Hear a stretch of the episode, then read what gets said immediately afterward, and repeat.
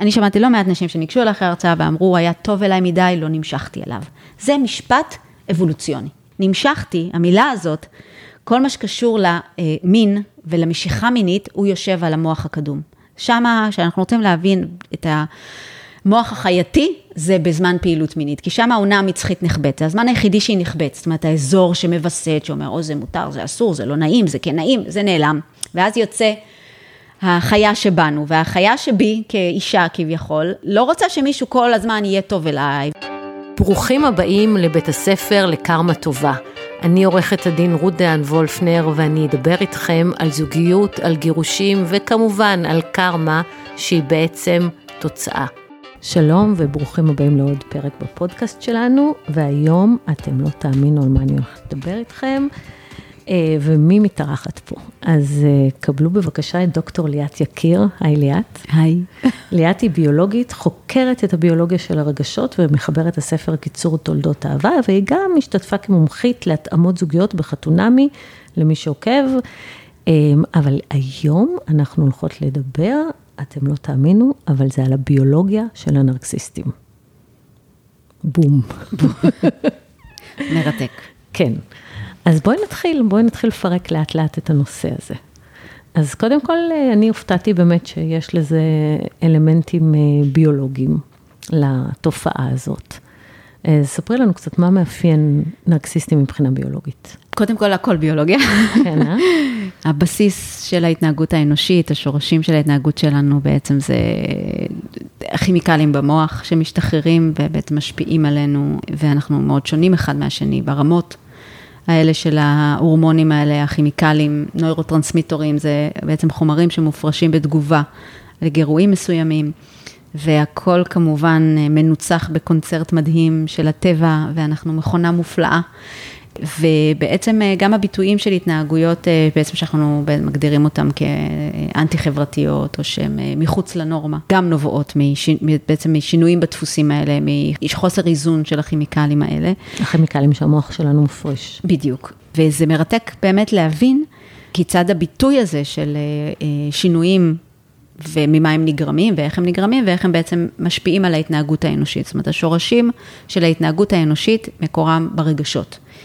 אה, והרגשות, רגש, הוא בעצם מוגדר כשינוי במצב התודעה בעקבות הפרשת נוירוכימיקלים במוח. מה, מה קודם למה? קודם מופרש הנוירוכימיקלים ואז מופיע הרגש, או קודם מופיע הרגש ובעקבותיו מופרש? שאלת השאלות, שאלה מצוינת. גם וגם, זה בעצם מין מעגל כזה, זאת אומרת, גם ההתנהגות מייצרת את הכימיקל, והכימיקל מייצרת את ההתנהגות, ולכן לפעמים, זאת אומרת, אנחנו יכולים לאמן את השריר, למשל, אני יכולה לאמן את שריר האמפתיה, אני יכולה לאמן את שריר הרוע, את שריר המעמד, על ידי בעצם חיזוק של ההתנהגויות שמייצרות את הכימיקל. ככל שמייצרים יותר מההורמון, נוצרים גם יותר קולטנים במוח. רגע, רגע, רגע, אבל את אמרת פה משהו שאני חייבת להבין. יש כימיקל שכאשר הוא מופרש, אנשים נהיים רעים? אמרת okay. אוקיי. אה, שריר הרוע?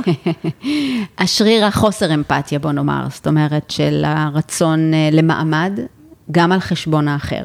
בדרך כלל זה על חשבון האחר, כן? המעמד שלי... אה, בדרך כלל עולה בחברה כשיש נמוכים ממני אה, במעמד. זאת אומרת, אם כולנו היינו שווה מעמד, לא היה... לא היה מעמד. לא היה מעמד בעצם. ואנחנו יצור שהוא מרוכז במעמד, הוא אובססיבי למעמד אפילו. עכשיו, אנחנו לא שונים מיצורים אחרים, כי הכימיקלים האלה של הרגשות הם אה, תשע משפחות זהות מהזבובים ועד אלינו. זאת אומרת, מה שהשתנה זה המינונים יותר, נגיד, יותר הורמון אהבה אצל יונקים, יוצר את ההנקה ואת ה... החברתיות המאוד גבוהה. אוקסיטוצין. אוקסיטוצין, זה הורמון אהבה, אמפתיה, חברות, המשפחה בעצם.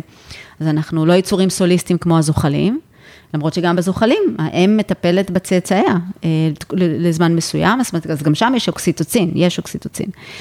אבל לא הרמות של היונקים, שיכולים להגיע לרמה ששימפנזה רואה את בת אה, אה, חברתה בוכה, היא ת, ת, תבוא לעזור לה, או עצובה, היא תבוא לסייע לה, תשים עליה יד, ממש כמו בן אדם שעושה את אותו דבר. זאת אומרת, זה יותר התפתחות של היונקים. אבל גם היונקים, אלופי האוקסיטוצין והיחסים החברתיים, גם הם חיים במעמד, בחברה מעמדית, כולם. ההורמון שאחראי, וזה מחבר אותנו תכף לנושא של השיחה, שאחראי על התשוקה שלנו למעמד וכוח נקרא טסטוסטרון. נשים וגברים כאחד. טסטוסטרון זה בעצם אה, אה, הורמון, סטרואיד, שבעצם מופרש, בעצם מהכבד, זאת אומרת, זה, הוא נוצר מכולסטרול, הוא לא, הוא לא מופרש מהכבד, אבל הוא נוצר מכולסטרול, הוא נוצר בעצם באשכים, אצל הזכר ואצל הנקבה בשחלות וביותר את הכליה, אצל האישה. הרמה אצל גבר היא גבוהה פי 15 עד פי 100, היא יכולה להגיע מבחינת ה... אה, וזה ההורמון היוצר את הזכר. זאת אומרת, יש שלוש תחנות של טסטוסטרון בחיים של גבר. תחנה ראשונה זה בשבוע השמיני להיריון, עד אז כולנו נקבות. אה, וגברים בפודקאסט, דרך אגב, אם אתם לא מאמינים שעד שבוע שמונה גם אתם הייתם נקבה, אז אני מזמינה ככה במקלחת הקרובה את המאזינים העיקריים שלך להסתכל אה, אל איבר המין, הזכירים כמובן, אה, ויש שם פס שעובר על האשכים והפין, זה זכר לפוט שהיה לכם פעם. אז בכיף, עם המידע, נתחבר כולנו לצד הנקבי שלנו, אה, ובשבוע שמונה בעצם כרומוזום Y נדלק ומתחיל לייצר את האשך, גורם להיווצרותו של האשך, שיהיה מפעל הטסטוסטרון של הגבר לכל ימי חייו. ותחנה שנייה זה בלידה, ותחנה שלישית זה בגיל ההתבגרות. זה השטף הגדול ביותר בחייו של הגבר. ההורמון הזה בעצם אצל כולנו אה, יוצר את התשוקה להרגיש אה, עליונות ושליטה על אחרים. והוא מסדר את כל בעלי החיים שחיים בקבוצות בחברה היררכית. למעלה יש? מנהיג. אחד, בדיוק, מנהיג אחד. אצל כל היצורים בטבע, זה אותה דפוס של היררכיה, כי זה אותו, אותו, אותו טסטוסטרון. והדפוס נקרא Dominance Hierarchy, היררכיית שליטה, כאשר כל פרט מנסה לשלוט על פרט אחר, וכולם יחד כנועים לאלפא. זאת אומרת, בבית אני רוצה להיות השולטת, אבל אני כחברה, אני מקשיבה למנהיג, אוקיי? Okay. זה, אוקיי. זה טבוע בנו, זה טבוע בנו, אנחנו מחפשים מנהיגים. אנחנו לרוב הטסט... מחפשים מנהיגים עתירי טסטוסטרון. מה זה אומר עתירי טסטוסטרון? אוקיי. Okay. אה, עכשיו, טסטוסטרון באמת יוצר את התשוקה למעמד, אה, הוא משפיע מאוד על המוח הגברי כמובן, הוא מופרש בגיל ההתבגרות, שוטף את המוח הגברי, גם את המוח הנשי. אז זהו, אה, איך זה משפיע על אישה? אותו, בעצם אותו דבר, רק המינון הוא נמוך יותר. זאת אומרת, אם אני מגיל 10 אזריק לעצמי טסטוסטרון, או אפילו לפני זה, יראו בי ביטויים גם גופניים. אנחנו רואים שאנחנו לא נראים אותו דבר. כל ההורמונים האלה, חשוב להבין, הורמוני המין, טסטוסטרון ואסטרוגן, הם משפיעים על כל תא בגוף שלנו. על ביטוי של גנים בכל תא בגוף, בשלבים קריטיים, צמתים של uh, התפתחות. זה שבוע שמונה, זה, זה, הם ממש קובעים איזה איברים יהיו. ובגיל ההתבגרות הם קובעים את הצורה של האיברים, האם יהיה לי חזה קטן, חזה גדול, אה, פין כזה, אה, אה, שעירות כזאת או אחרת. אז זה גם לא רק הם, זה שלל הורמונים, אבל הם בעצם משפיעים על ביטוי של גנים בכל תא בגוף שלנו. עכשיו, בין גבר לאישה, יש, במכון ויצמן הראו את זה, 6,500 גנים שונים בביטוי שלהם, ברקמה של גבר ורקמה של אישה. בגלל הפעילות הזאת, שזה אותם גנים, אבל הביטוי הוא שונה. זה גם משתנה לנו במהלך החיים. אני בת 20, לא כמו בת 50 ו-60. באסה, וגם אצל נכון. הגבר. אז ההורמונים משתנים ובעצם ממשיכים להשפיע. עכשיו, אנחנו רואים את זה ברמת הגוף, אבל אנחנו לא רואים את זה ברמת המוח. איך ההורמונים האלה בעצם מעצבים את המוח, את הרגשות שלנו ואת ההתנהגות שלנו. אז אנחנו רואים בכל עולם החי, זכרים הרבה יותר אה, אובססיביים למעמד שלהם. למה? חשוב להבין, המכונה הזכרית, למה היא בנויה? מה זכרים עושים בטבע? צדים. איזה צדים? נלחמים אחד בשני. נלחמים. גם צדים. גם צדים. אבל הנקבות גם דואגות לאוכל, אבל הם בעצם, אה, אה, אה, כל אחד רוצה להיות הזכר השליט. נחזור ל dominance hierarchy, למעלה יש אלפא אחד. כשהוא מנצח את כולם, הוא מסלק את כולם, זאת אומרת, גם יש כבוד למעמד. זאת אומרת, ברגע שהוא ניצח, זה ברור לשאר הזכרים שהם מורידים את הראש, או שהם נשארים כבטא, הוא האלפא, הם הבטא, גמא, דלתא, ממש יש מבנה. אה, חשיבה מאוד היררכית, יש לזכרים בטבע בכלל, כבוד למעמד. ובעצם, מה מאפיין את האלפא? איך הוא, קודם כל, איך הוא נוצר? זה לא גן. אין גן של מלך שעובר מאב לבנו, אין גן של מלך. זה נקרא אפקט המנצח. זכר מתחיל קרבות, מאבקים, מרדפים, אה, בדרך כלל בטבע זה כוח, זה שריר. טסטוסטרון הוא הורמון אנבולי, הוא יוצר שריר, לכן לזכרים יש שריר מתחת לאור, לנשים יש שומן ומתחת שריר. הזכר שניצח את כולם, כל פעם שהוא מנצח עולה הטסטוסטרון. וזה משנה אותו חיצונית, כי מה זה שווה להיות אלפא אם אתה נראה אותו דבר כמו כל השאר. אז אצל הגורילה נגיד הוא נהיה ענק, ופס כסף נוצר על הגב שלו כשהוא ניצח את כולם, וכשהוא מתחיל להפסיד הפס נעלם ומופיע אצל החדש, והבנות הולכות באמת? זה ככה לחדש, עובד? ככה. וואו. אורנגוטנג מתנפחות לו על לחיים, הבנות רצות אחרי המנופחים, מתכווצות כשהוא מפסיד, ממש יש תגובה של הגוף והנקבות ערות לזה, הצבעים, הקישוטים, הנוצות, אצל כל הזכרים בטבע, אה, הקרניים של בני הבקר, זה ככל שהזכר מנצח, הטסטוסטרון עולה והסרוטונין עולה. סרוטונין זה הורמון של השמחה, הדימוי העצמי, הערך העצמי. הם הולכים ביחד. אז ככל שאני מנצח וככל שיש לי יותר סקס, כי טסטוסטרון נוצר בזמן פעילות גופנית, בזמן ניצחון, בזמן מאבק ובזמן, אה, דח, הוא יוצר את הדחף המיני והוא נוצר בזמן, אה, הוא יוצר את האנרגיה הזאת, את התחושה של אנרגיה וחיים בתוך יחסי מין. וגם את הרצון לשליטה או להישלט, להישלט או לשלוט. אה, זה גם אה, נוצר. ובעצם הזכר האלפא מתבטא בדרך כלל ברמות גבוהות יותר של טסטוסטרון, של סרוטונין ורמות אה, של קורטיזול, יציבות באופן יחסי. זאת אומרת, הוא לא, הוא לא נלחץ מכל דבר, הוא cool, הוא לוקח, הוא, יש איזה קור רוח כזה. עכשיו, אבולוציונית זה מאוד הגיוני. זכרים לא מביאים ילדים, נכון? הם לא יכולים, הם, הם תלויים בנקבות. אז, והנקבה לא הולכת עם כל אחד. היא רוצה את הכי יפה, הכי גדול, הכי חזק. שהכי יוכל להגן על הצאצאים. בדיוק, בדיוק. אפילו בבני אדם. הזכר אלפא של המין האנושי, את יודעת מי הוא? מי שהגנים שלו הכי מפוזרים באוכלוסייה. מי? זה יסביר לנו קצת את הנושא שלנו. ג'ינגיס חאן, הפסיכופת, הפדופיל, הנרקסיסט, זה לא מילה, מה שהוא היה. הרוצח, פשוט אחד מכל חמישה גברים באסיה נושא גנים של האיש הזה על כרומוזום Y. הוא היה מפעל של הרבעה.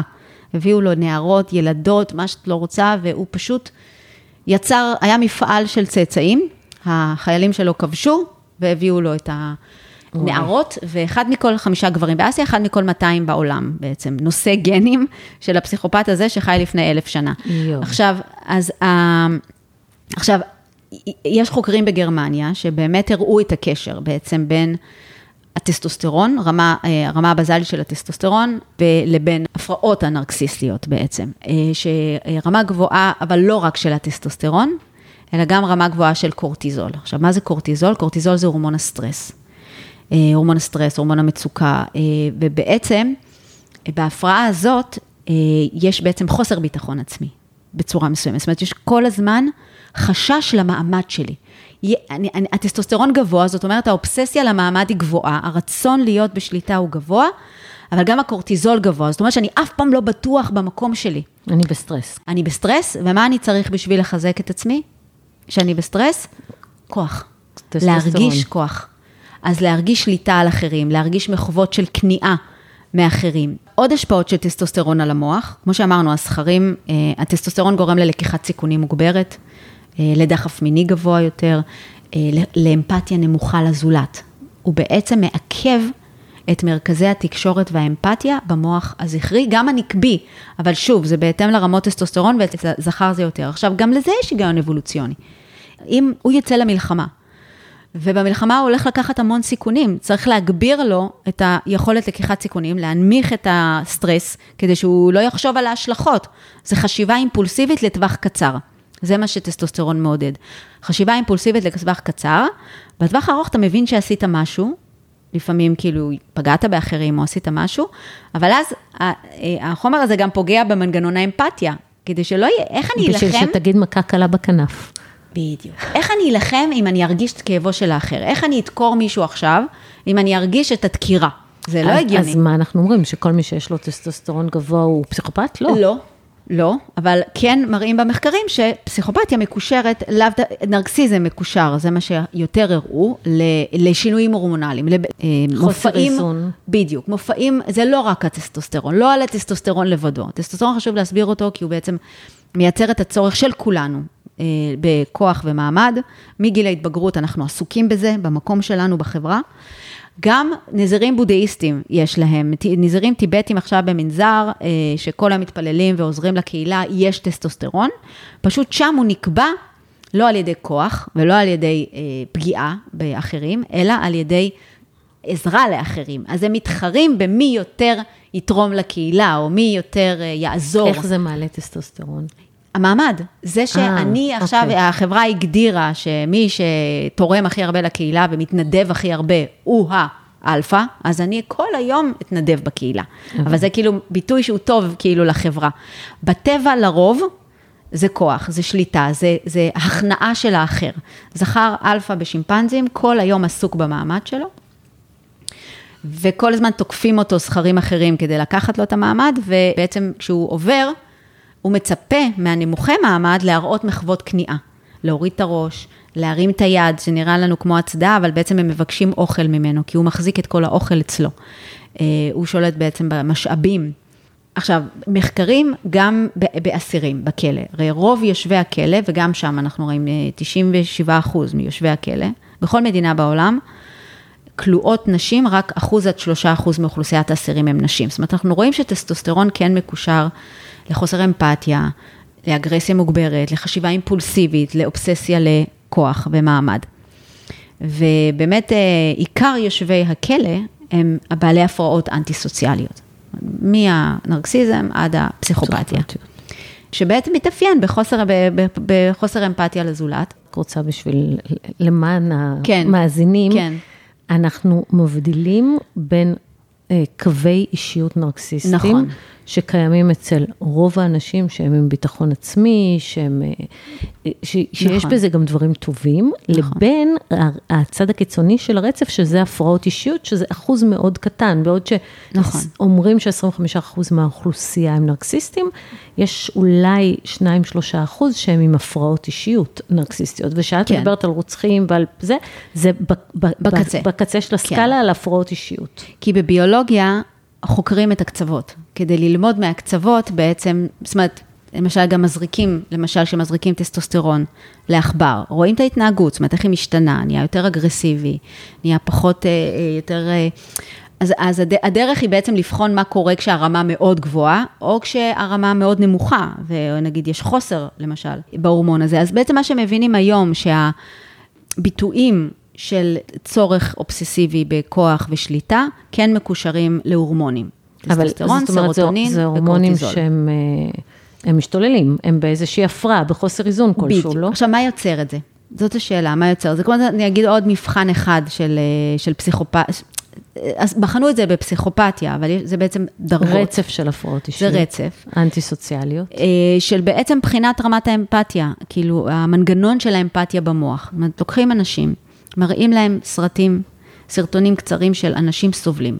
יש סרטון אה, שתמיד משתמשים בו כדי לייצר איזה בידוד משתנים של אה, אה, אב שמספר באמת בדמעות ובכי קורע לב על בנו שהוא סעד אותו ונפטר מסרטן. ילד קטן, ילדו הקטן. אי אפשר להיות אדישים לכאב של האבא הזה. ונותנים לאנשים שונים לראות את זה, ובאמת בודקים, איך בודקים אמפתיה. מסתכלים על המוח ב-FMRI, זאת אומרת, עושים את זה בתוך מכונה, מסתכלים על האזורים שנדלקים לכאבו של האחר, זה בעצם יושב על מנגנון של נוירוני מראה. המוח שלנו מגיב לבאמת נוירונים נדלקים, 20% ממה שקורה במוח של האבא הבוכה, נדלקים במוח של מי שמסתכל על האבא הבוכה. זה המנגנון שבעצם מאפשר לנו את הרגישות לכאב של האחר. כמו שאת מבינה, זה איזון עדין בין הרגישות לכאב של האחר לבין הרצון גם אולי להכניע את האחר, כן, בסיטואציה אחרת. אני כן רוצה שמישהו יבכה, כי אני רוצה להרגיש יותר ממנו. אבל המנגנון הזה של האמפתיה בעצם מאפשר לנו לעזור ולחמול ולהקל על כאבו של האחר. אז מסתכלים על המוח, רואים אזורים מסוימים נדלקים, ובודקים בדם. האזורים האלה במוח שנדלקים גורמים להפרשה אה, של הורמון אהבה. זה ההורמון שמקושר לאמפתיה. כשאני מסתכלת מה קורה בדם. אוקסיטוצין. אוקסיטוצין. למדתי את המילה. אוקסיטוצין מזנק. הוא מזנק הוא למראה. גם מזרק אחרי לידה, נכון? נכון, לידה, הנקה, אורגזמה, הוא מייצר בעצם את ההיקשרות, את ה attachment, ה attachment, bonding, הורמון סופר סופר סופר חשוב לרווחת חייו של האדם, ותכף נראה למה גם רואים ביטויים של אה, קווים נרקסיסטיים באנשים שהיה להם חוויה לא טובה של אוקסיטוצין בחיים. אבל בואו נחזור רגע לאנשים שמסתכלים על כן, האב על האמפתיה. הסובל, על האמפתיה, אז באמת אם הרמה בדם במחקרים האלה ראו, אם הרמה בדם עולה של אוקסיטוצין, עולה ב-47% למראה הסבל, זה הרף העליון, אין יותר מזה. זאת אומרת, אין בן אדם שהוא אובר אמפתי, כאילו יש. אה, ספקטרום. זה לרוב אישה. אם זה עולה ב-20-30 אחוז, זה גבר רגיש, זאת אומרת 20-30 אחוז מהרמה ההתחלתית, ש, שיש שוני בין אנשים ברמה ההתחלתית. ואם זה עולה ב-8 אחוז, זה פסיכופת.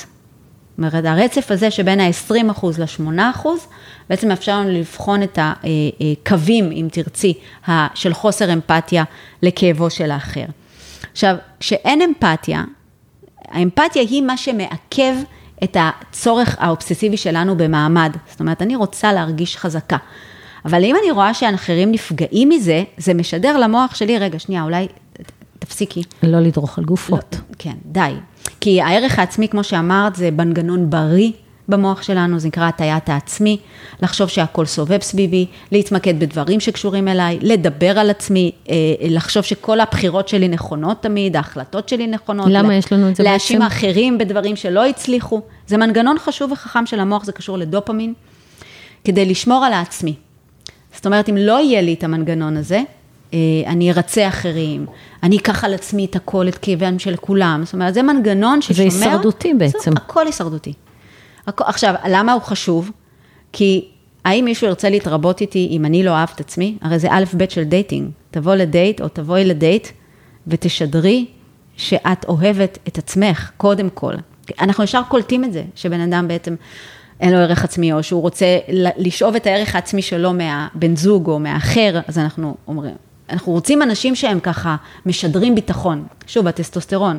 אז בגלל שכולם רוצים את הטסטוסטרון, אז נוצר המנגנון שמגן עליי וגורם לי לא לבוא עכשיו ולספר לך את כל הכישלונות שלי בחיים, אלא לספר לך את כל ההצלחות שלי בחיים. זה מנגנון חשוב, כי אחרת אני לא אתרבה. מי ירצה להתרבות איתי?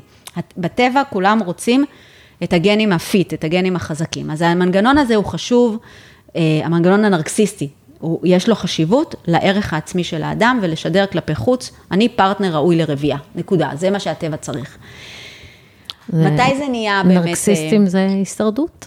כן. אבל כן. זה, זה רמה מסוימת, זה עד רמה מסוימת. אז זה בדיוק המנגנון הזה בין טסטוסטרון לאוקסיטוצין. הייתה פה, התארחה פה פסיכולוגית שאמרה שמידה מסוימת של נרקסיזם זה בריא. נכון. סופי בן דור אמרה את זה. נכון. אבל, נכון. אז זהו, אז עכשיו... גם בגברים, זאת אומרת, נשים מזהות מיד גבר ללא ביטחון עצמי. זה טרנוף מטורף. זהו, והיא יכולה להגיד, אני, אני שמעתי לא מעט נשים שניגשו אליי אחרי הרצאה ואמרו, היה טוב אליי מדי, לא נמשכתי אליו. זה משפט אבולוציוני. אבולוציוני, איך יכול להיות שהוא היה טוב אליי ולא נמשכתי אליו? נמשכתי, המילה הזאת, כל מה שקשור למין ולמשיכה מינית, הוא יושב על המוח הקדום. שמה, כשאנחנו רוצים להבין את ה... המוח החייתי זה בזמן פעילות מינית, כי שם העונה המצחית נחבאת, זה הזמן היחידי שהיא נחבאת, זאת אומרת האזור שמווסת, שאומר, או זה מותר, זה אסור, זה לא נעים, זה כן נעים, זה נעלם, ואז יוצא החיה שבנו, והחיה שבי כאישה כביכול, אה, לא רוצה שמישהו כל הזמן יהיה טוב אליי ויעשה בשבילי וזה, אלא כאילו... כי הוא בעצם, יש לו אה, יכולת הישרדות יותר נמוכה, כי בדיוק. הוא לא דואג לעצמו. בדיוק, אז איך הוא ידאג לי? איך כן. הוא ידאג לצאצאים שלי, אם הוא מרצה? אה, אז, אז בעצם, אז כאילו המנגנון הזה, הוא מעצים את הטסטוסטרון. זאת אומרת, אם תחשבי, אם נקבות כל הזמן בוחרות את הכי בעל הטסטוסטרון, עם האמפתיה הנמוכה לזולת, אז בסוף יוצא לנו ג'ינגס חאן, כאילו, כזה כן. בסוף. בקיצור, נשים נמשכות לנרקסיסטים, זה הישרדותי. יש בזה מרכיבים הישרדותיים, ולכן אומרים, א', ב', להגיד כאילו של אה, אימון של גברים לדייטים, או למצוא אישה, זה תשדר שאתה מוצלח, שאתה יציב, שאתה אוהב את עצמך, שאתה, יש לך ביטחון. כן. כי עוד פעם, אנחנו בסוף באמת אה, קצת יודעים, בעלי חיים. אנחנו הרבה בעלי חיים, אבל אנחנו יודעים שאצל נרקסיסטים, זה. אז זה לא באמת שיש ביטחון וערך עצמי, בגלל הקורטיזול. בדיוק. אני תלמידה טובה בביולוגיה. בדיוק. בגלל הקורטיזול זה בעצם, זה, זה משהו דפוק שם, נכון? בדיוק. זאת אומרת, מה שהם הראו במחקר זה שזה טסטוסטרון גבוה, אבל גם קורטיזול גבוה. מה זה אומר קורטיזול גבוה? זה אומר חוסר ביטחון עצמי, זה אומר סטרס, חוסר ויסות רגשי. זאת אומרת, אם אני בעלת קורטיזול יציב, זאת אומרת, מערכת הסטרס שלי יודעת לאזן את עצמה. אז אם עכשיו אה, מישהו לא אמר לי את המילת כבוד בסוף השיחה, אוקיי, אני יודעת שבסופו של דבר המעמד שלי שמור, אני בטוחה בעצמי, אני יודעת שאני פה הבוס בסביבה שלי והכל בסדר, וגם אם הוא הרגע לא בדיוק השתחווה בפניי, הכל טוב. אבל אם רמת הקורטיזול גבוהה, זאת אומרת, היכולת ויסות סטרס, וסטרס מאוד גבוה, זה לשמור על המעמד, לוודא שמישהו לא מתבלבל עכשיו וחושב שהוא מעליי, זה גורם סטרס. ובעיקר אם אני אובססיבית למעמד, אז אני קולטת כל דבר כמישהו שעכשיו רוצה לערער על המעמד שלי, או חושב שהוא יותר חכם ממני. אז זה מעורר סטרס מאוד גבוה, ולכן יש לי כל הזמן צורך להשפיל, להקטין, להשפיל, להקטין, לקבל. זאת אומרת, השילוב הזה בין שני ההורמונים האלה, שהם שניהם בעצם גבוהים, קטלני. יוצר את ההפרעה בעצם. אז כי, מה, אז נרקסיסטים זה... כי הטסטוסטרון, לא רוצה שיצא פשוט מהזה שהטסטוסטרון זה הורמון רע, זה הורמון לא, הרוע. זה... לא, זה פשוט שילוב של טסטוסטרון. גבוה. ו... אמ, וחוסר ויסות רגשי בעצם, שאומר... אה, קורטיזול גבוה כל הזמן, לא מבוסת. לא מבוסת. עכשיו, מה גורם לזה? מה? גם זה ביולוגיה. בעצם, אנחנו יודעים שמאפיינים נרקסיסטיים מופיעים יותר אצל אה, בוגרים שעברו ילדות לא פשוטה. במיוחד כאלה שגודלו על ידי הורים נרקסיסטים. בדיוק. אז מה, ספרי לנו את זה. אז זה בעצם, היום אנחנו באמת יותר ויותר מבינים, כל התחום הזה נקרא אפיגנטיקה, שינוי בביטוי של גנים על ידי הסביבה, והתקופה שבה עברנו הכי הרבה אפיגנטיקה, חוץ מהתקופה העוברית, הייתה בשנים הראשונות לחיים. המוח מתעצב על פי הסביבה, והסביבה בראשית החיים זה אימא ואבא. המוח של אימא ואבא, והמערכת העצבית של אימא ואבא, תינוק הוא ספוג של נוירוני מראה של ההורים שלו. ההורמון הקריטי להתפתחות תקינה של המוח זה אוקסיטוצין. הוא מביא כלי דם, הוא יוצר סינפסות, הוא מאזן את הקורטיזול, הוא מוריד את הקורטיזול. כי אנחנו מגיעים לאוויר העולם, מה הדבר הראשון שאנחנו עושים? בוכים. צורכים מסטרס. מה קרה פה? כאילו, היינו עטופים, היינו מלאי אוקסיטוצין, ופתאום אנחנו לבד. מה עושים איתנו? עוטפים על הידיים. מה זה על הידיים? לנענע את הגב, את עצב הווגוס, נכון? לוקחים ילד ושמים אותו על הגב כזה, מנענעים, זה מיד מרגיע אותם, שמים אותם בעגלה, מה זה העגלה? מה זה העצב הווגוס הזה? עצב הווגוס זה בעצם נקרא העצב החברתי, זה מערכת העצבים שלנו בעצם, זה העצב המרכזי של מערכת העצבים שמסתעפת לאורך הגב התחתון, אה, אל האיברים הפנימיים שלנו, ובעצם כשהעצב הזה מופעל, הוא מופעל הכי חזק כשעושים לנו מסאז', מלטפים לנו את הגב, מלטפים לנו את השיער, ממש מרגישים נעים כזה. אה, זה עצב הווגוס בפעולה. אה, ואז הוא גורם... מופעל, הוא מפעיל את מערכת הרגיעה של הגוף. תגובת ה-rest and digest, לנוח, להירגע ולעכל ולאהוב. ובעצם זה עוצר את ה-fight or flight. אנחנו אמרנו, התינוק נולד, הוא כל הזמן במצב הישרדותי, באמת הוא צריך להיות במצב הישרדותי, כי כולם רוצים לאכול אותו. אנחנו נמצאים עם קורטיזול גבוה. זה, זה תגובת הסטרס. כן. תגובת האוקסיטוצין בעצם גורם לרגיעה, מפעיל את תגובת ש... הרגיעה. אז שריר הווגוס מופעל, הוא, מפ... הוא גורם להפרשת אוקסיטוצין. הפוך. האוקסיטוצין גם מפעיל את עצב הווגוס, וכאילו זה ביחד. לא, ואם שוב. נגיד מרגיעים תינוק נכון, מלטפים אותו, גם, זה... נכון, זה... נכון, נכון, נכון, צודק. כמו שאמרנו, זה מעגל כזה, גם כן. החומר יוצר את התגובה והתגובה. עכשיו, כשאנחנו בסטרס, האוקסיטוצין עולה, כדי שמישהו, שנחפש נחמה, שנבכה. כשאנחנו בסטרס, האוקסיטוצין כן, עולה? כן, הוא הורמון סטרס בעצמו. הוא לא הורמון אהבה? אבל הוא, הוא, גם, הוא גם הורמון שבאמת מבקש אהבה. זאת אומרת, okay. הוא אוקיי. עולה בזמן מצוקה, כי אנחנו יצורים חברתיים, אנחנו נרגעים על ידי אחרים. כשרע לי, מה אני עושה? אני מרימה טלפון לאימא, לחברה, ל... ל... בואי שבי איתי לקפה, ואני נרגעת. כי הוא, עצב הווגוס מחובר גם לעצב הפנים, אז אם מסתכל לי בעיניים ומדבר איתי, זה מרגיע. זה הפסיכולוג בעצם, זה כל הטיפול מבוסס על זה. אנחנו בעצם מפעילים את עצב הווגוס דרך הדיבור, דרך הראייה בעיניים, גם כמובן דרך המגע. מה קרה לילד שיצא לאוויר העולם וקיבל נוקשות, אה, לא, לא סופקו הצרכים שלו, אה, נתנו לו לבכות הרבה, או לא, לא, לא עלינו, הזניחו, התעללו בו. זאת אומרת, לא רק שהאוקסיטוצין לא ניתן לו כמו שיצור, יונקים בטבע רגילים וצריכים, אלא גם הזנחה או התעללות, זאת אומרת קורטיזול. זאת אומרת, לא רק שהילד הזה לא קיבל אוקסיטוצין, הוא גם קיבל בעצם אה, אה, הורידו לו את הביטחון, השפילו אותו, הזיקו לו. הגוף שלו התרגל למנות גדולות של קורטיזול, כי התעללו בו, ואז הוא לא מצליח לווסת את הקורטיזול, וזהו נדפק. זה מעוות מנגנונים במוח בעצם, זה ממש פוגע. גם בהתפתחות של האונה המצחית, שזה בעצם אמרנו, החלק המווסת, החלק שאומר לי, רגע, שנייה עכשיו לפני שאני מוציאה סכין, או שנייה לפני שאני אומרת לבן אדם כל מה שאני חושבת עליו בפרצוף. שנייה, שנייה, בואו נווסת רגע את התגובה של הסטרס, נרגיע את עצמנו, ונגיד את זה נורמל, יפה. מבוסת. כאילו, מבוסת. ואז גם אה, מכון ויצמן הראה במחקרים שסטרס וראשית החיים בעכברים, ממש אה, אה, אה, מגביר בעצם את תגובת הסטרס, זאת אומרת, התגובה היא פחות מבוסתת, וככל שאימא מלקקת את הגור שלה, ממש הראו שהיא בעצם מכבה גן שהוא ממש הווסת. הוא כמו כפתור ווליום של ציר הסטרס, ובעצם עם זה אנחנו הולכים לעולם. אז החוויה של ראשית החיים של אותו אדם, כמות הסטרס שהוא חווה, ברמת האוקסיטוצין שהוא קיבל, מקבעת את המערכות הרגשיות במוח, ועם זה אדם יוצא לעולם. אז אנחנו בחיבור הזה שבין אה, אה, אה, הטסטוסטרון אה, לאוקסיטוצין והקורטיזול, ואיך המנגנונים האלה עוצבו בראשית החיים, כמובן יש גם את הגנטיקה, זאת אומרת את הרמת ביטוי ההתחלתית, ואז יש את הסביבה שמשפיעה על ה fine tuning החשוב הזה. שזה בעצם ה... האפיגנטיקה. שזה האפיגנטיקה. מה שזה הטיפול אומר... הטיפול ההורי בעצם. האמת שזה חדשות לא כל כך טובות, כי, כי למרות, זה לא רק גנים, זה, זה גם סביבה, אבל אם אתה גדל להורה נרקסיסט, למשל, את מספרת ואני, כאילו עוברים לי כל כך הרבה סיפורים בראש, כל כך הרבה מקרים, שאבא אומר ל, לילד, אתה אפס ולא יצא ממך שום דבר, ותראה אותך, או לילדה, את כמו אימא שלך, את רק יפה, את מטומטמת, או כל מיני דברים שבאמת אה, מורידים מאוד את הביטחון העצמי, יוצרים המון סטרץ. אז כמובן שאם מתגרשים, אז מפחיתים את זה בזה שהחשיפה נמוכה, אבל הילדים עדיין נשארים עם ההורה הנרקסיסט, והם עדיין עוברים את זה, זה די קשה למנוע את זה.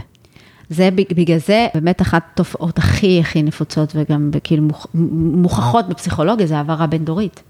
העברה בין-דורית, העברה של טראומה בין-דורית בעצם, כי בעצם זה חוויה של טראומה. מה שאנחנו מדברים עכשיו זה בעצם ילד שעבר פוסט-טראומה.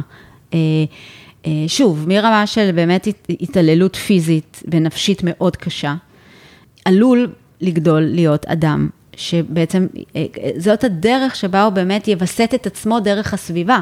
כשהנרקסיסט או הנרקסיסטית פוגעים ביקרים להם מכל, במשפחה שלהם, באנשים שסביבם, אנשים שכבר כאילו התרגלו להיות הווסתים שלהם, הם בעצם מבילים את הצורך הזה בוויסות ההורמונלי על האחר, ובעצם פוגעים באחר, מתעללים נפשית אה, אה, באדם האחר, ולכן כל כך חשוב בעיניי, כי לדבר על זה ולהבין את זה ולחקור את הביולוגיה של זה, כי בעצם, כי בעצם אנחנו מדברים פה על שרשרת של דורות, כאילו, על שרשרת של דורות, שאם נבין את החשיבות העצומה של הסטרס בבית, בראשית החיים, ובאמת לגדול בבית אה, כזה, זה...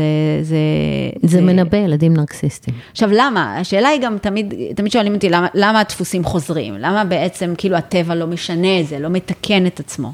לפעמים כן, לא? אז חייבים להבין, כאילו, מבחינת הטבע, אין, ההצלחה האבולוציונית שלי, של אימא שלי בעצם, זה לא אם ליאת היא אישה מאושרת וטוב לה ויש לה ערך עצמי, לא.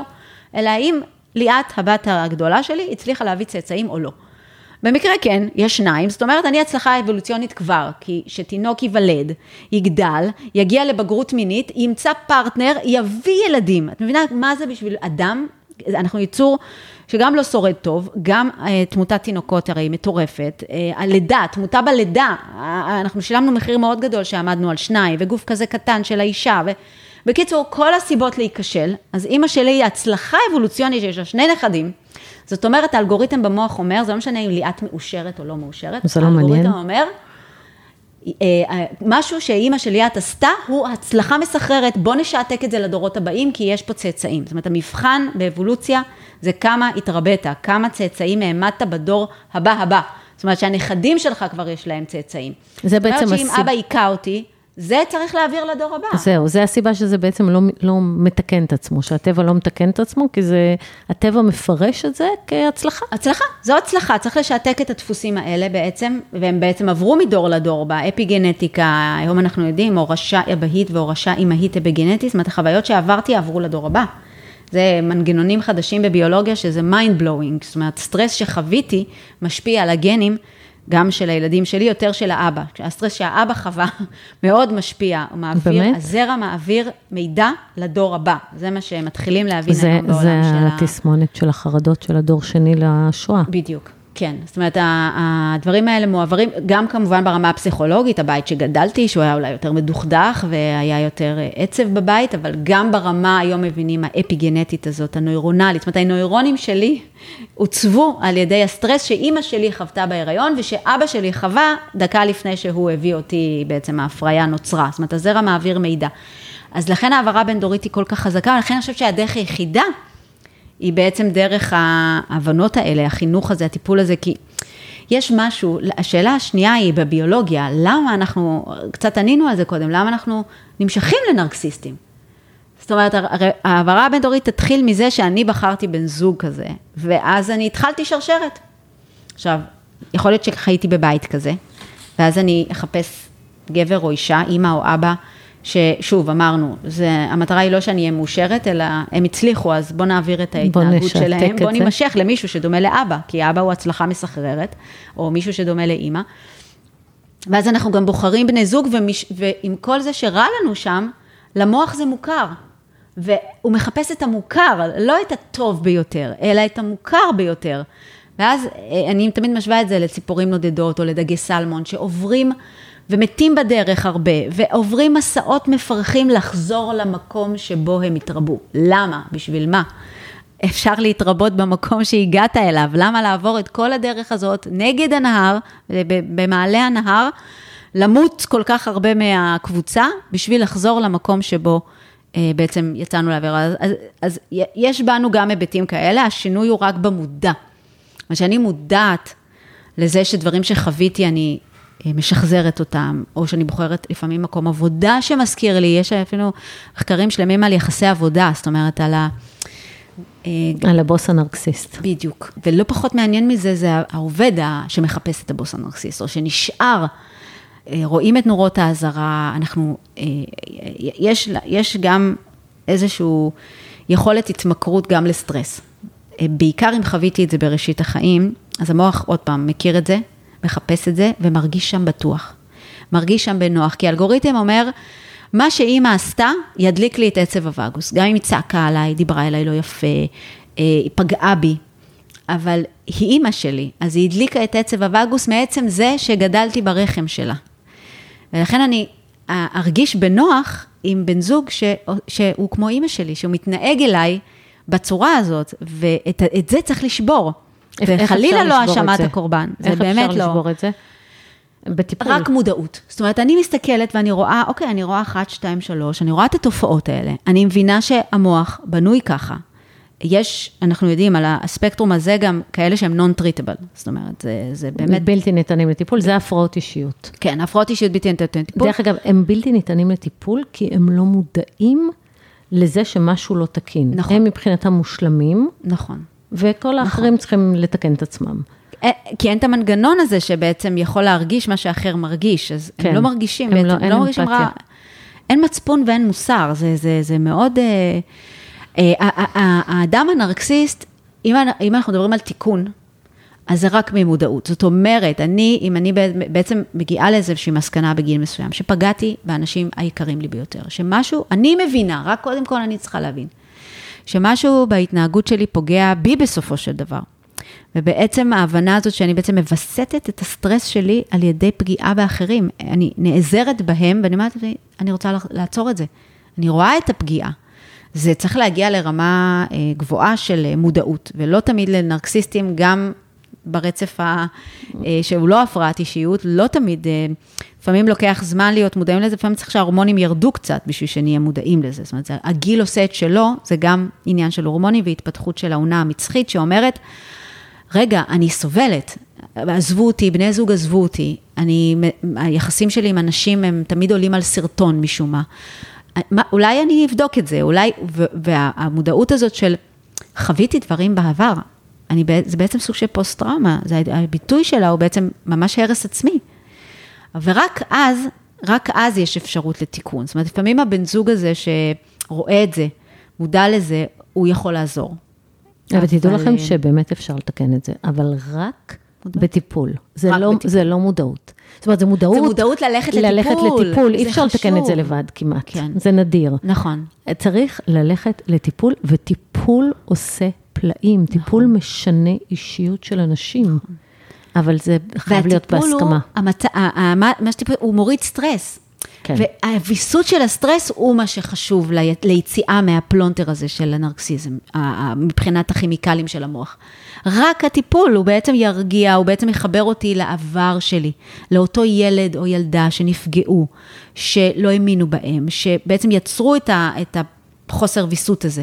ועכשיו המטפל, המטפלת, עוזרים לי להגיע לשלווה הרגשית הזאת, להתחבר לרגשות דרך העבר, ועכשיו הביטוי הזה, זאת אומרת, הדרך גם להביע את הצרכים שלי, לא בצורה שבעצם אה, לימדתי את עצמי לעשות את זה עד עכשיו, אלא בצורה אחרת, להגיע לתוצאות. כאילו, הסביבה רוצה בטובתי, אבל האדם הזה צריך להיות לפעמים, כאילו, עטוף ולא קל. לרוב מאוד קשה. מאוד קשה. תגידי, ליאת, אני רוצה לשאול אותך גם על, על קטע של נרקסיסטים ובגידות. זה גם ביולוגיה, אני מבינה. כן, הדרך לקבל טסטוסטרון היא דרך, אה, אמרנו, בעצם טסטוסטרון מופרש בזמן ספורט, בזמן מאבקים. אז לחפש מאבקים, לחפש דרמות, לנצח בדרמות כמובן, להשפיל אחרים, לקבל מחוות כניעה. זה היום-יום. שלהם. זה, זה, זה כאילו בקטנה, כל היום. טסטוסטרון מייצר גם דחף מיני. לכן אוקיי. כל התכונות האלה הולכות ביחד. דחף מיני גבוה, נטייה למניפולטיביות, רצון לשליטה באחרים, אובססיית מעמד היעדר ואגו. אמפתיה, ביחד זה. שילוב קטלני. זה קטלני. כי הדחף, הדחף הגבוה. עכשיו, אה, אה, טסטוסטרון גם יוצר את הדחף המיני וגם מוגבר על ידי היחסי מין. זאת אומרת, מה יחסי מין? הטסטוסטרון עולה, והעלייה בטסטוסטרון גורמת לנו לרצות, לרצות עוד סקס. עוד סקס. וכיבושים. זאת אומרת, זה לא רק הסקס. בדיוק. זה הכיבושים, והכיבושים צריכים להיות יותר ויותר אה, מרגשים, כדי שהטסטוסטרון יעלה. כאילו, אם אה, בנות בגיל מסוים, שנים. או במראה מסוים כבר הולך לי טוב, אז אה, בואו ננסה משהו אחר. כאילו, הרצון לריגוש הוא גבוה, וזה שוב מספק את, את אותו הדחף בטסטוסטרון, אבל זה הכל שוב נובע מהקורטיזול הגבוה, מרמות סטרס מאוד גבוהות, שזה, זה, ואפשר להתמכר לזה. העניין הוא בהתמכרויות, וזה משהו שקורה בכל צורה של חוסר איזון כימיקלי, הנטייה להתמכרות היא גבוהה יותר, כי מה שמבדיל אם בן אדם מסוים מתמכר ולא יתמכר לאותם חומרים שהם כולם ממכרים, דופמין בעצם, זה רמת הסטרס שהאדם שרוי בו, ולכן אה, גם התמכרות לכוח, בעצם להשפלה, לייצר מעמד, וגם אפשר להתמכר למין. וזו התמכרות מאוד נפוצה בישראל, כי 70% מהמתמכרים בעולם הם גברים. והסיבה שגברים יותר מתמכרים, זאת אומרת, ההתמודדות לסטרס, טסטוסטרון מייצר אה, התמודדות שהיא יותר אה, בצורה שלה של fight or flight. אה, אגרסיביות, ובמטרה להכניע, אה, או בריחה, בריחה מהמציאות. flight, כאילו בריחה, בעצם בריחה, טשטוש התודעה, אם אפשר, כדי לברוח מה, מהתגובה של הסטרס, מהתחושה של... אז זה, זה יותר ביטויים שבאמת אה, גברים נוקטים בהם, ונשים יותר freeze, לקפוא במקום. זה הסיפור של הטרדות מיניות, למה לא צעקת, למה לא ברחת, זה, הגוף נכנס לשיתוק מערכות. אז השילוב של אותו fight flight עם ה freeze הוא קטלני, שניהם ביחד. אה, ו tend and befriend, תרצי ותפייסי. תורידו את רמת ה... עכשיו, למה? בגלל שאין לה טסטוסטרון כמוהו, אין לה מסת שריר מספיקה כדי להילחם או לברוח. הוא תמיד יברח יותר מהר ממנה וירביץ יותר חזק ממנה. אז בעצם התגובה ההישרדותית של אישה היא פריז. היא פריז. אני אקפא כי אין לי סיכוי לרוץ, כי הוא כן. ירוץ יותר מהר ממני, ואין לי סיכוי להילחם כי הוא יותר חזק ממני, אז אני קופאת במקום בתקווה שהוא... או מרצה אותו. או מפייסת ומרצה אותו כדי להוריד את רמת האגרסיה. אבל מה את יודעת מה קורה כשמרצים ומפייסים נרקסיסט? זה רק גובר, כן? כן. במקרה הזה זה רק גובר. ואז זה באמת... הוא צריך את זה עוד. זה פשוט, הוא צריך כל הזמן את השליטה, אז, אז, כן, כן. זה, זה מעגל, זה זה המעגלים. מעגל. ואז אני אומרת, השילוב עכשיו, אה, עוד פעם, גם כולנו עושים הכל, fight, flight, freeze, tend and befriend, שוב, גם תלוי במה שהתרגלנו להגיב במצב לחץ. גם השינויים ההורמונליים שאנחנו עוברים עם החיים, אבל בגדול רואים את ההבדלים המגדריים האלה, ולכן אנחנו רואים את ההתנגשות הזאת של הגבר היותר אה, אגרסיבי, עם האישה היותר, אה, שעלולה להיות יותר מרצה ומפייסת, ובעצם הוא נעזר בה כדי לווסת את עצמו, וגם היא מווסתת את עצמה לפעמים, כאילו, אה, במידה מסוימת. אה, מתרגלת לפעס ולרצות בכי, למה אנחנו בוכות, למה נשים בוכות יותר. אז גם במכון ויצמן גילו שבדמעות שלנו, יש חומרי ריח שמשפיעים על ההורמונים במוח השני, של האדם השני, וגורמים לירידה בטסטוסטרון של הגבר ב-20% תוך חצי שעה, כשהוא הריח דמעות של אישה. וואלה. מול תמיסת מלח. מנגנון אבולוציוני מדהים, בכי זה לא חולשה, זה כוח על, להוריד את האגרסיה בעצם, שעלולה להיות מופנית כלפיי דרך הבכי והדמעות. אז אני אומרת, אוי, זה נורא. השילוב הזה עלול להיות באמת קטלני. אם דיברנו על טיפול, כאילו, המרפא הוא אוקסיטוצין, זה, זה האבסורד, אבל, אבל אה, לא תמיד, אוקיי? לא לכולם. אנחנו יודעים שנרקסיזם יותר שכיח בקרב גברים, גם פסיכופתיה וגם כאילו כל השילוש האפל הזה יותר שכיח. אה, בגלל בעצם הטסטוסטרון מסביר את זה, ההשפעה שלו על המוח מסבירה את זה, ההשפעה שלו על העונה המצחית, זה גם מעכב את ההתפתחות שלה, העונה המצחית של גברים מתפתחת בין שנתיים לארבע שנים לאט יותר, זאת אומרת, טסטוסטרון יש לו הרבה מאוד השפעות על המוח, ואז גם זה גורם לכך שהם פחות הולכים לטיפול.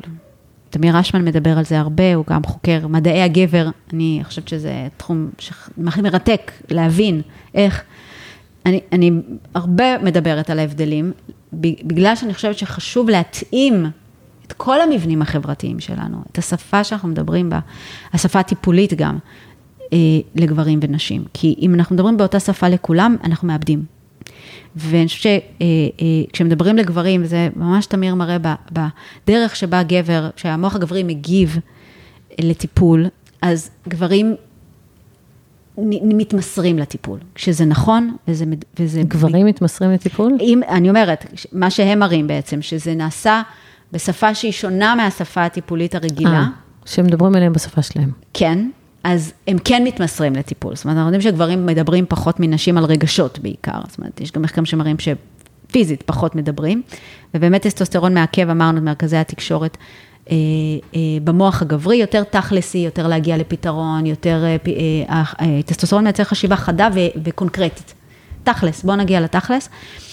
והטיפול, הדיבור, מאפשר להתחבר לרגשות. מה אני עושה? שאני מספרת לך כל מה שעבר עליי אתמול, המוח עושה עבודה, הוא מתחבר למוח הרגשי, בעצם שולף את הזיכרונות הרגשיים, אני מספרת לך מה עבר עליי, מה הרגשות שהרגשתי כשרבתי עם הבת שלי או משהו כזה, אני מספרת, המוח עושה עיבוד של הרגשות שהיו, מעביר את זה לזיכרון לטווח ארוך, אחרי שהוצאתי את זה, אני מרגישה הקלה ורגיעה. ומי שלא מוציא, ולא מוציא עוד דברים שהוא עבר בעבר, ואולי בצבא, ואולי גברים עוברים דברים מאוד קשים, מאוד קשים, ופחות מוציאים את זה, ופחות מדברים על זה, אז בעצם אנחנו רואים את כל הביטויים הפוסט-טראומטיים האלה, של התפרצויות זעם, ושל הרצון באמת בכוח ושליטה. של מערכות יחסים עם נרקסיסטים. בעצם. כן, כן. אז אני אומרת, אומרים שהדרך הטובה ביותר זה פשוט לצאת ממערכת יחסים עם נרקסיסט, כאילו לא...